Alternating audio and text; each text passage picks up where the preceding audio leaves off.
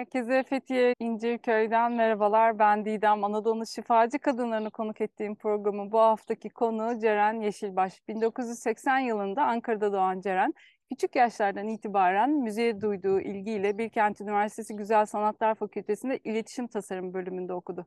Uyanmak ve aydınlanmak üzerine ilk kısa filmini çekti. 10 yıl kadar yardımcı yönetmen olarak çalışan Ceren, kalbinin çağrısıyla Kelebekler Vadisi'ne gitti ve orada yeniden doğumunu yaşadı. Ardından yoga ile tanıştı ve yoga eğitmenlik eğitimi aldı. Daha sonra kanser teşhisi kondu. Bir şamanla çalışmaya başladı ve o çalışmayla beraber kendi sesini keşfetti. İspanya'da ses şifası eğitimi alan Ceren'le hikayesini ve şifa yolculuğunu konuşacağız. Hoş geldin. Hoş buldum. Nasılsın, iyi misin? İyiyim çok şükür. Böyle çiçekler açarken hemen yanı başında e, böyle oradan senden de aldığım ilhamla daha iyi oldum. Çok teşekkür ederim. Şu anda tabii bu programı YouTube'dan izleyenler manzarayı görebiliyorlar. Arkamda çok güzel bir dağ var. Hemen hemen yanımda çiçek açmış bir elma ağacı var. Ceren'le tanışmamızın hikayesi aslında bu evle biraz bağlantılı. Onu da kısaca anlatmak istiyorum. Fethiye Yeşim Okşaroğlu'na onunla da kayıt yapmıştık. Ee, dinleyenler hatırlayacaktır. Onu ziyarete geldiğimde Ceren'le buluştuk. Tesadüfen orada tanıştık hatta o akşam tanıştık. O gece tanıştık. Ve evde o tanıştığımız gece ortaya çıktı. Dediler ki birileri ev arkadaşı arıyor. Ve Ceren de onun ilk şahitlerinden biri bu arada. İnşallah o da buraya gelecek. Çok teşekkür ederim davetimi kabul ettiğin için.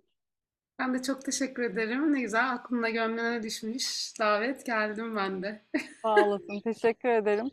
Ben tabii senin de hikayeni bu kadar detaylı bilmiyordum e, bu programa davet edinceye kadar. Gerçekten çok enteresan bir hikaye. Bir sürü şey geçirmişsin, bir sürü şey yaşamışsın, deneyimlemişsin. Ve atalardan gelen de bir aktarım var aynı zamanda. O beni tabii daha çok heyecanlandırdı. Şimdi hepsini tabii konuşacağız ama sen hikayeyi bir baştan anlatırsan. Nasıl başladı bu hikaye? Şimdi bu hikaye aslında çocuk yaşlardan başlamış. Yani hani hepimizin aslında doğduğu andan itibaren devam eden süreci. Ama o kadar eskiye gitsem mi gitmesem mi şu an bilemedim. Evet çocuk yaşlarda yeteneklerim fark edildi. Özellikle müziğe olan yeteneğim.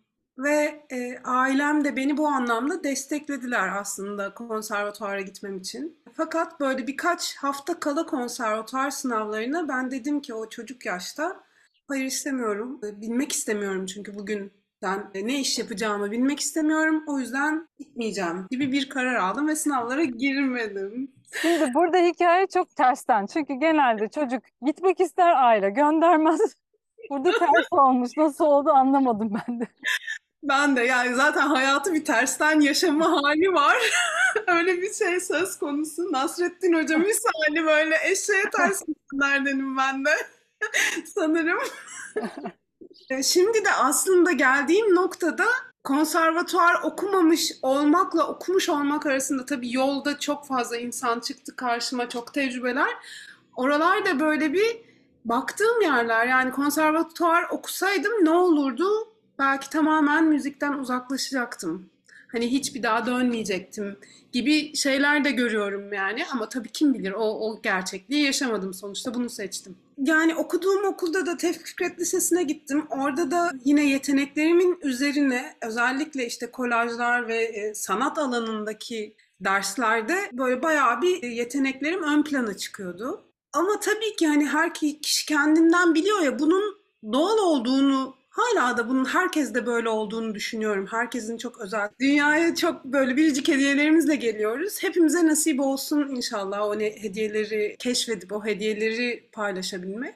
Ben de yeni yeni fark ediyorum aslında o zamanlardan daha söylenmiş işte yetenek farkındalığına varılmış şeyleri ancak bu bugünün idrakıyla algılamaya başladım. Çok yeni benim için de yani son 10 senenin belki daha bile kısa diyeceğim farkındalıkları bunlar. İşte konservatuara gitmemek ama başka bir okul seçmek, müzikle olan iletişimimin devam ediyor olması, yaratımla olan iletişimimin devam ediyor olması beni Güzel Sanatlar Fakültesine taşıdı. İletişim tasarım okudum yine Ankara'da, Bilkent Üniversitesi'nde ve orada işte bahsettiğim gibi ilk filmimi çektim.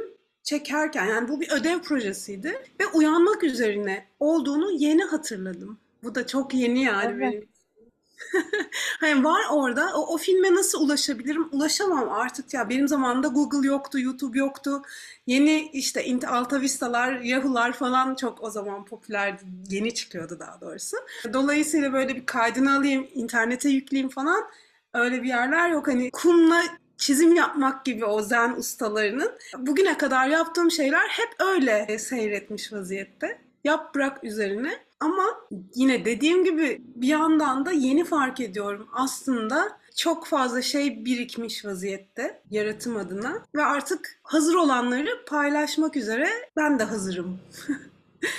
Öyle bir yerdeyim. Tabii bu süreçte bir sürü şeyler yaşandı. Ben tabii burada yine çocukluğuna dönmek istiyorum. Çocukluğunda evet müziğe ilgin vardı, farklı, farklılıklarını, farklı yeteneklerini gören bir ailede e, büyümüşsün ama annenle babanla ilişkin nasıldı? Köklerinden bahsetmiştin e, bana hikayeni anlatırken. Biraz oralardan bahseder misin? Annem ve babamla ilişkim nasıldı ile başlamak istedim. E, Babam genel olarak hane dışındaydı. Çalışmak ve iş. Hani o eril modeli iş ve para üzerine sorumluluklarını yet- yerine getirmek üzere genel olarak hem Ankara dışında hem yurt dışındaydı. Ve hayatımızın bir kısmını biz babamın yanında geçirmeye karar aldık. Ailece bir arada olalım diye. Libya'ya gittik o yüzden. Bir süre Libya'da yaşadım. Ve yani genel olarak bir özlem var. Babaya özlem var içeride. Annemle hep yakın bir ilişkim oldu. Tabii süreç içinde anne baba yaşadığım şeyler tabii ki anne babayla olan her çocuk gibi zorluklardan da bahsedebilirim ama oraya çok değinmek istemedim şu an. Ama hayat boyunca da tabii ki anne ve baba sorunsallarıyla çalışıyor olacağımı da kabulündeyim yani. Hani hayatımın sonuna kadar 80 yaşıma gelsem de ah bu işte annemden böyle bir şey öğrenmişim bunda yine aynı tongaya düştüm diyebilme potansiyelim var. Bunun farkındayım. Yani sevgi dolu bir ailedeydim. Genel olarak kucak açılan bir ailedeydim. Ve yeni yeni fark ediyorum tabii yine bu idrak ve bu farkındalık penceresinden baktığımda anca onları suçlamalardan vesaire feragat etmeye yani feragat ne büyük bir kelime oldu. E, Vazgeçmeye başlayıp e, sadece oradaki o sevgiyi alabilir miyim yerine gelmeye başladım yavaş yavaş. Çünkü bütün hayatla olan her şeyle kendimle öncelikle olan ilişkimde oradan sevgiyi alabilme potansiyelime yönlendiriyor her şey beni. Anne ve babadan. Dolayısıyla ilişki adına böyle bir yerdeyim şu an annem ve babamla ilgili. Atalarımla ilgili de babam çocukluğumdan beri bana kızım bizim atalarımız şamandı dedi. Ve öyle büyüttü beni. Ama bu ne demek? Fikrim yok. Hala da çok bir fikrim olduğunu söyleyemeyeceğim ama e, yürüdüğüm yolda böyle kendiliğinden ortaya çıkan böyle filizlenen çiçekler var, meyve veren ağaçlar var bu anlamda. Ve yine babamın araştırdığı ve bugünümüze taşıdığı ve aktardığı kadarıyla kayı boyundan geldiğimizi biliyorum.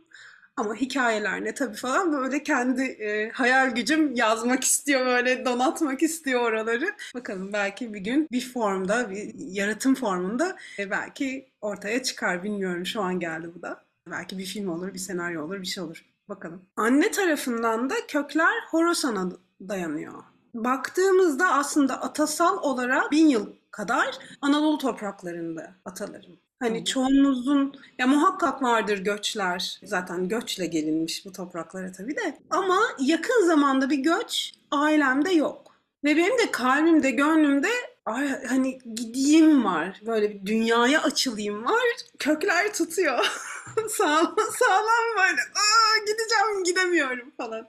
Bir, yine atalara dair mesela soyadımı, adımı ve soyadımı fark ettiğim anlar ve böyle yine mihenk taşları benim için. Büyük büyük büyük babam Mısır'da teoloji okumaya gidiyor ve geri dönüyor. Geri döndüğünde işte Atatürk Kurtuluş Savaşı falan o, o sıralara denk geliyor bir süre sonrası. Ve orada Zonguldak ili ve çevresini toplayıp Kurtuluş Savaşı'na hazırlıyor. İşte parlamentoda bir, bir şekilde bir yeri oluyor vesaire. Böyle hani her ailede vardır ya kahramanlık öyküleri.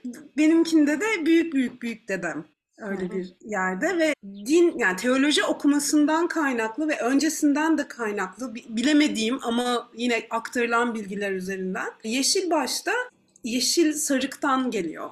Dolayısıyla böyle bir İslami hatta Sufi kanalı olan bir yerlere de dayanıyor diye geliyor bilgi aktarılıyor. Hiç peki böyle merak edip ne bileyim Horasan'a gitmek ya da işte o kökleri araştırmak gibi bir niyetin var mı?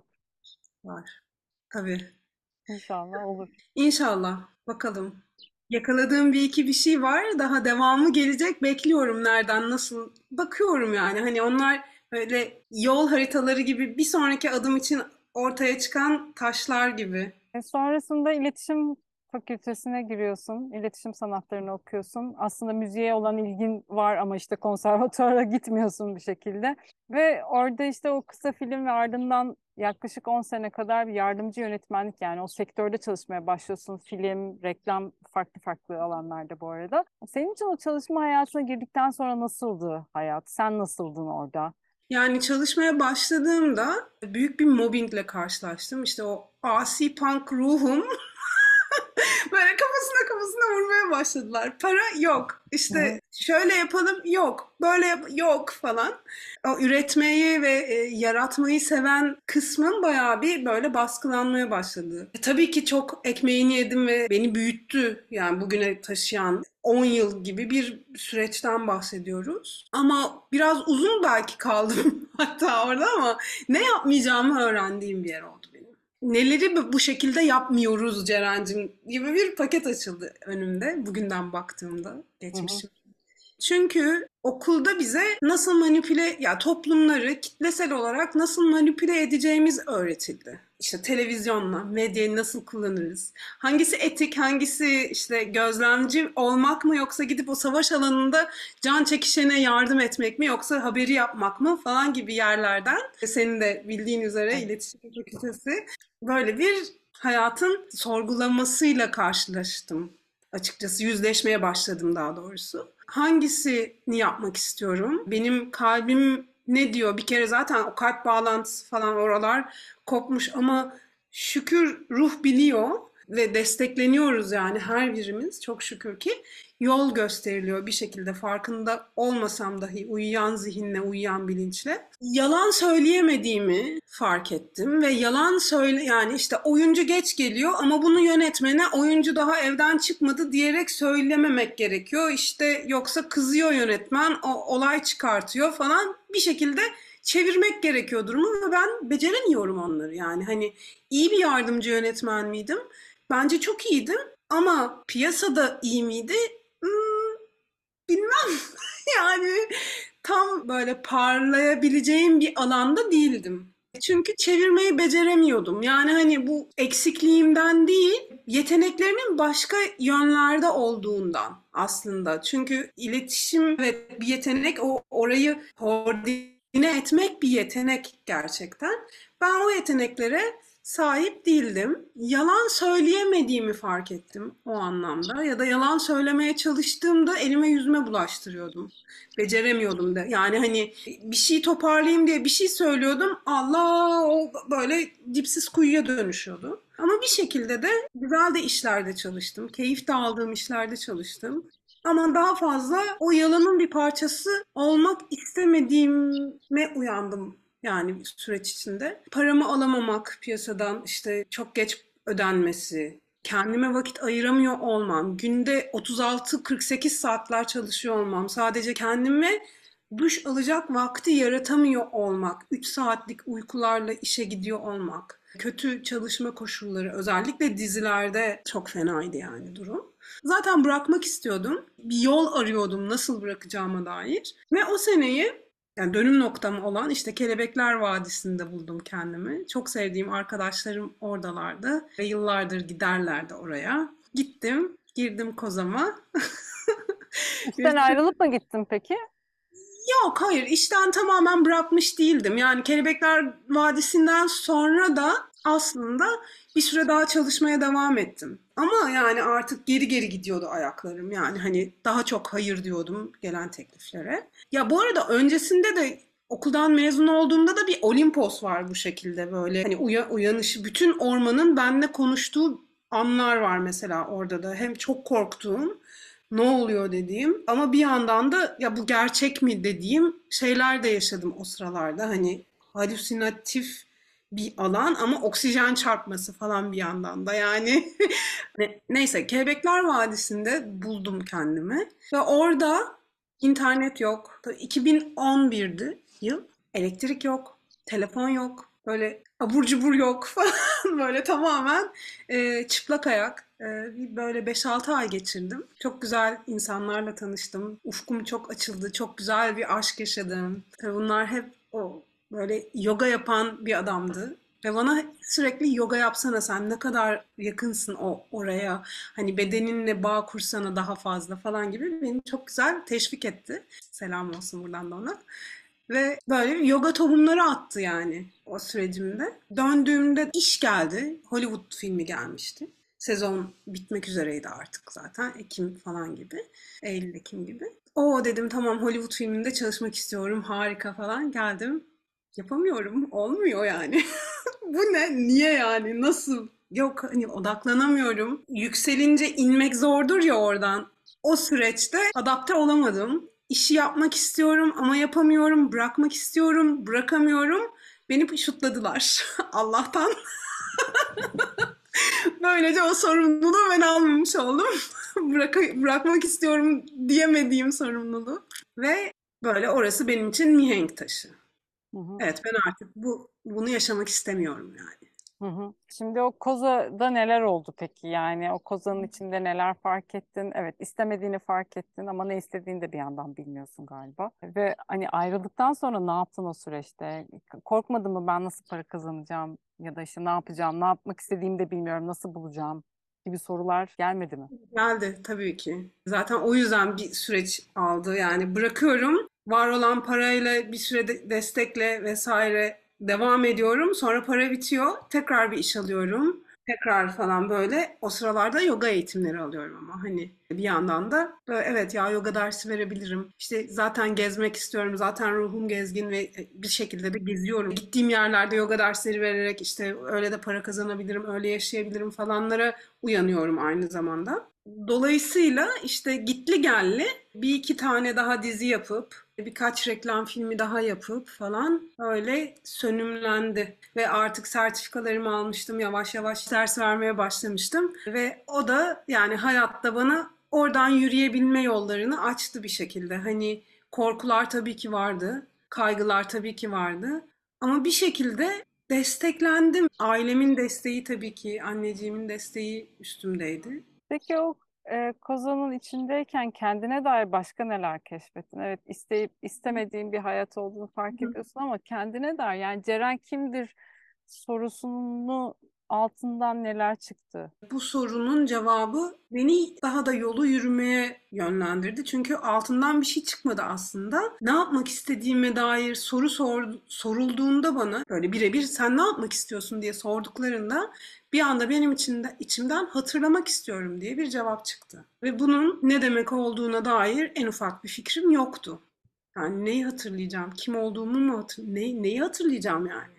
Hala da çok vakıf değilim neyi hatırladığımı ama o uyanış, uyanma arzusu, kendim olma arzusu, o, o kozanın içinde bunlar vardı. Sürecimin içinde açığa çıkan, kendi potansiyelimi keşfetme arzusu, kendi potansiyelimi yaşama arzusu ve kendi potansiyelimi yaşarken bunu özgürce paylaşabilme arzusu. Bunlar yol yol yürürken açığa çıkan ve hala da araştırdığım, hala da üzerine tefekkür ettiğim şeyler. Sonrasında kanser teşhisi ne zaman kondu peki? 2015 gibiydi bu. 2014-2015 zamanında. Tiroid kanseriydi teşhis. Ve tamamen ifade. Burada ifade edilememişlikler, bastırılmışlıklar ve işte o yalanlar, ailede söyleyemediklerim vesaire hepsi Ceren'cim biz bir bakalım kendimize dedirtti. Modern tıbbın getirdiği yöntemleri kullanarak alındı. Radyoaktif tedaviler gördüm vesaire. İşte ilaç kullanıyorum.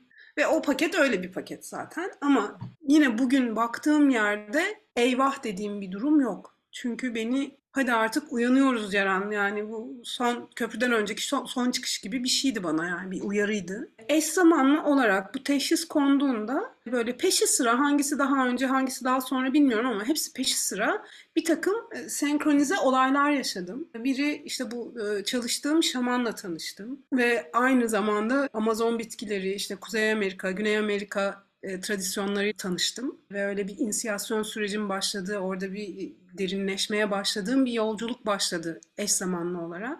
Sonra kendi sesimle tanışmama vesile olan ses hocamla tanıştım. Ve ses hocamla çalışmaya devam ederken şamanla da çalışmaya devam edip yaptığımız, yaptığı, açtığı alanlarda şifa çemberlerinde şarkı söyleyerek işte dualar, ilahiler, mantralar söyleyerek, ses çıkararak müzik yaparak kendi sesimi açmaya başladım. Kendi sesimi duymaya başladım ve sesimle alan tutmaya başladım bir süre sonra. Ve o yolda da Kuzey Amerika yerlilerinin tradisyonlarında da derinleşmeye ve o vision quest dedikleri, vizyon arayışı dedikleri bir inisiyasyon sürecine girdim. Ses hocamla çalışmaya devam ettim ve eş zamanlı olarak işte dediğim gibi ameliyat, üstüne işte radyoaktif iyot tedavileri vesaire. Bunlar böyle paket halinde yürüdüler bir süre. Ve bir işte dört yılın sonunda dedim ki madem böyle ben bir şifacılık, ses şifacılığı eğitimi araştırmaya başladım. Çünkü Kefas Berlin'di işte adı ses hocamın. Kefas'ta bir yere kadar geldik. Devamı ne bunun? Hani nasıl yöntemler var? Da genişlemek isterken bu İspanya'daki eğitim çıktı karşıma. Oraya devam etmeye başladım. Çalıştığım şamanla işte o nereye ben oraya onun yanında böyle gezmeye başladım dünyayı. Bu arada Ee, şamanı sor, sormamda bir sakınca var mı? kim olduğunu mu? Evet yani çalışmak isteyen olursa iletişime geçmesi bulması için yani Türkiye'de mi yaşıyor bilmiyorum tabii de. Yok, İspanyol bir adam. Dünyada çalışıyor. Öyle diyeyim. Yani yollarımı ayırdım ben onunla. Çok güzel kapılar açtı benim için. Çok güzel bir öğretmendi benim için. Ama artık başka bir yerden yürümeye başladım. Yani hani çok teşekkür ediyorum rehberliği için. Bana hayatıma kattıkları için. Ve büyüttüğü için beni aslında böyle sarıp sarmalanıp büyüdüm oradan yani. Ama daha mezun oldum mu bilmiyorum. Mezuniyet var mı görünürde bilmiyorum onu. Eğer son yani daha detaylı bilgi isterlerse tabii bana ulaşabilirler. Hani böyle açayım onu da. Tamam, okey anlaştık. Evet sonra nasıl devam etti hikaye? Sonrasında tedaviler üzerine yoğun tabii kendimle çalışmaya başladım. Yoga hayatıma girdikten sonra hareket de girdi, dans da girdi. Böyle o şamanların dediği işte şarkı söylemeyi bıraktığında, dans etmeyi bıraktığında, gülmeyi bıraktığında hastalıklar çıkıyor ortaya. Tam da işte oradan böyle devraldı beni ha- hareket, dans, müzik, şarkı vesaire derken bu ve bu inisiyasyonlar sürecinden de geçerken işte Maya şamanizmiyle yine Nilgün Arık'la tanışmama vesile oldu ve orada da onun da yanında yürümeme böyle bir yol açıldı. Onun peşinden. Böyle fıt fıt fıt diye. Başka tradisyonlarda da yine şamanik geleneklerde de bir takım yollar açıldı. İşte kuzey şamanlarıyla da İrlanda, Norveç vesaire o oralarda daha dürit ve animist geleneklerle de hoş. Türkik gelenekler de çok animist aslında ama oraların kapıları da açıldı. Böyle bir, bir açılmış kapılar var. Aslında kapılar açık ve iş bizler için oraları ne hangi kapıdan girmek istiyoruz karar yani bir anlamda. Bu inisiyasyonlar süreçlerinde de böyle dualara kanal olma. Ya dua dediğim hani e, bir şey duası gibi değil, daha sessel, daha ezgisel ya da çok az böyle şifa şarkılarına, şifa dualarına kanal olmaya başladım. Onlar akmaya başladılar daha doğrusu. Ses bulmaya, vücut bulmaya başladılar. Ve böyle kendi şarkılarım çıkmaya başladı. Kendi dualarım çıkmaya başladı süreç içinde. Onları da paylaşmaya başladım. İşte şimdi de geldiğim noktada böyle bir tanesi altısında Hıdrellez zamanında yayına giriyor. Böyle öyle bir heyecan yaşıyorum bir Hmm, yandan. çok güzel, çok güzel. Peki Evet. bütün bu çalışmalarda işte bitkilerle çalışmışsın, şamanik çalışmalar vesaire. Burada kendini nasıl gördün? Ceren kimmiş aslında? İşte o gölge tarafları neymiş? Yüzleşmelerin na- nasıl geçti? Oralarda, o karanlıklardan nasıl aydınlığa çıktın? Nasıl şifalandırdın? Ama bilmiyorum. Her yer karanlık yani. Böyle yer yer böyle ışığı yakıyorlar. Bir ortamı gösteriyorlar. Sonra ışığı geri kapıyorlar. yani o hayat yolculuğu. Geldiğim noktada şöyle bir yerden görm, yani bir düzlüğe çıktım şu anda. Baktığım düzlükte karanlığın gözüne bakabilmeye cesaretlendiğim bir yerdeyim. O cesaret geldikçe daha çok kendi gölgelerime dönüp bakıp orayla çalışıp çünkü yani sonuçta kanser hücresi dediğimiz şey de aslında bak, bakınca karanlık bir yer ve düşük bir titreşimi var ve o düşük titreşimin titreşimini yükselttiğimizde aydınlığa varabileceğimizi yol bana gösteriyor bir şekilde. Bunu kendi karanlıklarımla çalışarak yapabiliyorum. Başka bir yöntem bilmiyorum şu an için. Ve her zaman da cesaretim olmuyor o kadar derine inmeye. Ama derin kazıcılardanım. Onun da farkındayım yani hani böyle uzun süre o karanlığın içinde kalıp ışığı yakar mısınız bir dakika diye sorabilmeye başladım en azından. Ben kayda başlamadan önce Instagram'da bir video gördüm. Hani kendini iyileştirmek aslında bütün o gölgelerinle buluşmaktır. O gölge taraflarını görmektir diyor. Bu yola yeni girmiş ya da gir- girecek olan hani böyle bir soru işareti, böyle bir çağrıyı hisseden ama henüz daha harekete geçmemiş insanlar için bu şifa çalışmalarını şöyle zannediyoruz galiba. Ben de öyle zannediyordum bu arada. Ee, hani ben bu çalışmayı yapacağım ve sonra işte hiçbir problem, hiçbir sıkıntı vesaire kalmayacak. Ama dediğin gibi tam da yani bir şey yapıyorsun ve onun arkasından çıkan şeyle daha derine inmeye başlıyorsun. Sonra bir şey daha yapıyorsun ve daha derine, daha derine derken o karanlık kısmı içerisinde yani ben hiç böyle bir şey hayal etmemiştim. Yani benim hayalimde daha işte neşeli, cıvıl cıvıl, o parlayan Didem'i ortaya çıkarmak vardı. Yani kimse de bana dememişti gölgeden, karanlıktan bahsetmemişti. Şimdi ben niye bu kuyunun içindeyim diye çok isyan ettiğim oldu. Sence şifa ne? Aslında özü yaşamak geliyor şu anda bu sorunun cevabı olarak. Özü yaşamak yani varoluş şeklimizi yaşamak, şifa. Neden yaşayamıyoruz peki sence? Bu Hmm. kadar hani kolay gibi görünüyor. Çok basit gibi gözüküyor ama bir taraftan da çok karmaşık ve zor. Biz mi zorlaştırıyoruz sence? Yani tabii zihin zorlaştırıyor. Bizim dışımızda yani standart insan dışında içinde yaşadığımız koşullar, güç savaşları ve işte o karanlıktan beslenen yerde aydınlıktan beslen, beslenen ve aydınlanma yolunda yürüyen kadar güçlü alan tutuyorlar sanki. Yani bilmiyorum. Bu, bu sorunun cevabı aslında çok böyle üzerine konuşulabilecek çok şey, çok geniş bir soru. Ama tek bir cevabı yok benim için. Yani biz mi zorlaştırıyoruz? Yeri geliyor evet, yeri geliyor kolaylaştırıyoruz aslında. Bilmiyorum cevap oldu mu? Ne, ne okuyorsa ya. Peki özümüzü nasıl ortaya çıkarabiliriz sence? O gerçek potansiyelimizi yani işte dedin ya sohbetin başında da herkesin biricik yetenekleri var. O biricik yetenekleri ortaya çıkartıp nasıl insan onu yaşayabilir? Bir kere niyet etmek. Baş, e, ilk adımı niyet bence. Kendi potansiyelimizi yaşamak için buna niyet etmek. Ve önümüze çıkan araçlara, rehberlere, öğretmenlere, döngülere teslim olmayı kabul etmek başta bir, bir de. O da yani kabul, ni- niyet, kabul ve aradan çekilmek. Kendini aradan çekmek. Bunların da bir sürü yöntemi var. Benim için mesela meditasyon, özellikle zen pratikleri çok çalışıyor. Anda olma pratikleri aslında. Ne ana getiriyorsa bu yemek yapmak olabilir, çizmek olabilir, yürümek olabilir, sadece oturmak olabilir, dans etmek, şarkı söylemek, müzik, yaratım için sevişmek. Neyse yani anda olma potansiyellerini çoğaltmak bence. O potansiyelleri, anda olma potansiyellerini çoğalttığımızda yol kendini daha netleştiriyor, gösteriyor. Peki biraz da çalışmalarından bahsetmek isterim. Şimdi sesle uğraşıyorsun. Hani neler yapıyorsun? Yaptığın çalışmaların şifası nasıl? Oraya o çalışmalara katılanlar nasıl ayrılıyorlar oradan? Neyle ayrılıyorlar? Neyi fark ediyorlar? Ses yolculukları yaptırıyorum grup çalışmalarımda. Ve bu ses yolculuklarının kendine has, kişiye özel hediyeleri oluyor. Niyetle çalışıyor tabii ki. Başta her şey niyet. Bedenin dinlenmesi en büyük hediyelerinden biri.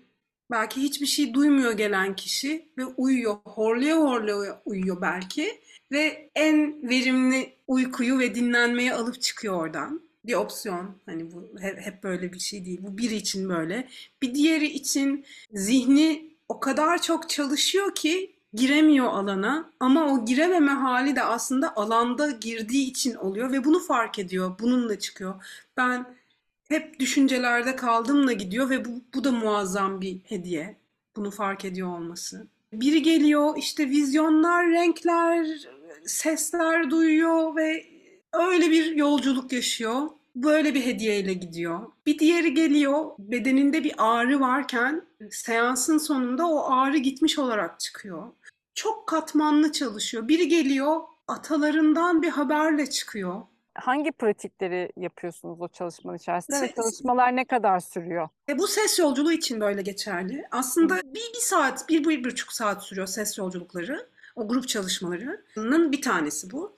Genelde kişi yatıyor ve orada alan içinde enstrümanları ve kendi sesimi kullanarak bir takım sesografya diyeceğim, soundscape yaratıp böyle ses alanı yaratıp ses alanı açıp e, içinde gezmeye başlıyor. Kasenin titreşimleri, kullandığım enstrümanların titreşimleri, kendi sesimin titreşimi orada bir alan içinde dalga boyunu değiştirmeye başlıyor. Beyin dalga boyunu. Ve orada da olan oluyor zaten. Hani büyüsü de orada aslında. E, bu bir tanesi. Kendi geliştirmekte olduğum bir sistemim var. Aynı zamanda kişinin kendi kendine, kendi sesiyle kendini iyileştirme potansiyelini hatırlattığı bir alan. Böyle bir alandan da yayın yapıyorum. Bunda da bir takım yani şey gibi çalışıyor burası da. Hani ultrasonla böbrek taşı kır, kırılıyor ya. Biz bunu aslında kendi sesimizle kendi bedenimizin içinde tıkan, tıkalı kalmış enerji kanallarımızı ya da dokularımızı açabiliyoruz. Kendi titre, titreşimimiz o noktalara varıyor ve titreştirerek hücresel anlamda da hücrelerin aralarındaki boşlukları kullanarak hem hücre altında büyük bir gevşeme, derinleşme ve bırakma yaratıyor. Hem beden yani hani çok katmanlı yine tıkanıklıkları açıyor ve yaratım enerjisi uyuyor olan ya da hala hazırda uyanmış olan kundaliniyi daha da aktifleştiriyor. Dolayısıyla, dolayısıyla hem kundalini yükselirken enerji kanallarını açıyor ve yaratım enerjisi, üretim ve yaratım enerjisi daha kolay akmaya başlıyor ve iyileştirmeye başlıyor o tıkalı yerleri açmaya başlıyor. Oradan çalışmaların sonunda da o açığa çıkan enerjiyi yaratıma dönüştürmek ve sese dönüştürmek üzere kuruyorum genel olarak alanı. Bu bir diğeri.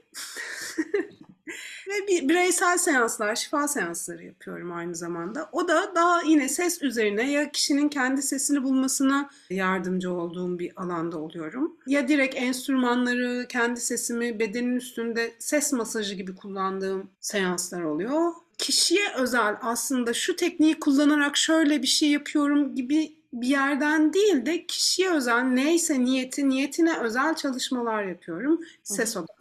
Önümüzdeki dönemde yine böyle bir grup çalışması açacak mısın? Tarihler belli mi? Yani evet. önümüzdeki ay için bu Mayıs için online'da yapıyorum. Bu ilkel ses işte geliştirmekte olduğum şeyleri online'da da yapıyorum. Bir WhatsApp grubum var. Genelde oradan hadi yapalım falan gibi pop-up da oluyor. Ya da böyle daha önceden de belirlediğim şeyler oluyor. Mayıs ayı için, bu, bu ay için yani düşündüğüm iki buluşmalık bir şey var. Ama daha yayınlamadım. Hani böyle bir bekliyorum aslında Dolunay bir geçsini bekliyorum açıkçası. Bir takım tarihler belirli Hı. ama netliğim yok şu anda. O zaman e, Instagram'dan seni takip ederlerse zaten sen duyurduğun zaman oradan tarihleri de öğrenebilirler sanıyorum değil mi? Evet. Tamam. Aynen. Yolda olanlara ne söylemek istersin?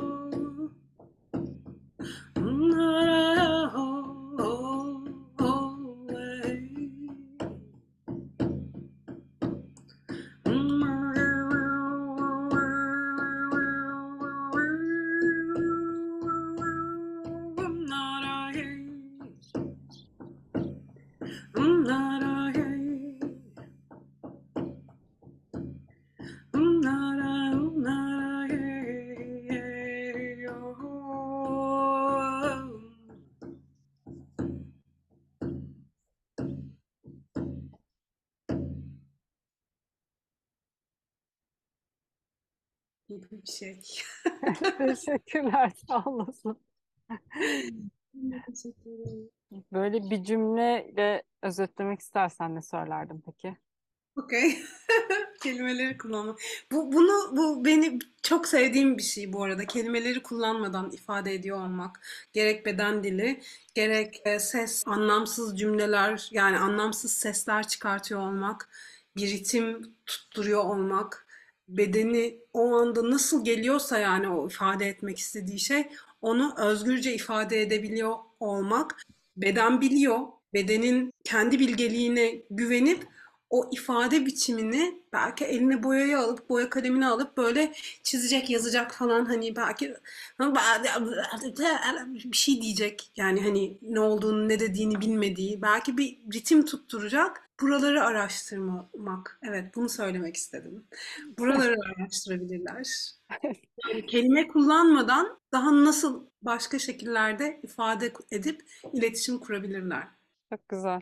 Çok teşekkür ederim. Eklemek istediğin başka bir şey var mı peki? Yolun açık olsun. Ben de sana çok teşekkür ederim. Hepimizin.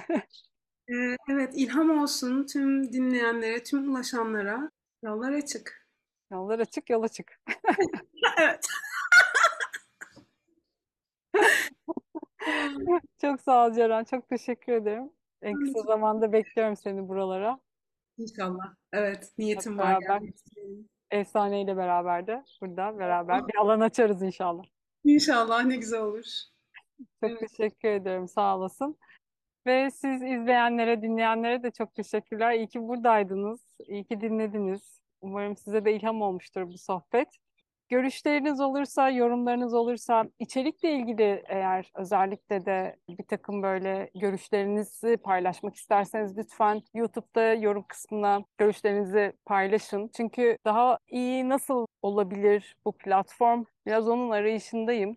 Mesela geçenlerde bir videonun altına işte hani çok uzun olduğuna dair ya da işte başka şeyler duymak istediklerine dair görüşlerini paylaşanlar oldu. Belki sizin de böyle içinizden geçiyordur bir şeyler. Ya şu da olsa, bu da olsa diye. Ya da konuk önerisi olabilir. Hiç fark etmez. İçinizden ne geliyorsa YouTube'da yorum kısmına bırakabilirsiniz ya da Instagram'dan bana özelden de ulaşabilirsiniz ki böyle hep birlikte şifalanabileceğimiz, o şifanın daha da büyüdüğü bir alana dönüşsün burası. Çok teşekkür ediyorum tekrardan. İyi ki varsınız. Bir sonraki programda görüşmek üzere. Kendinize iyi bakın. Hoşça kalın.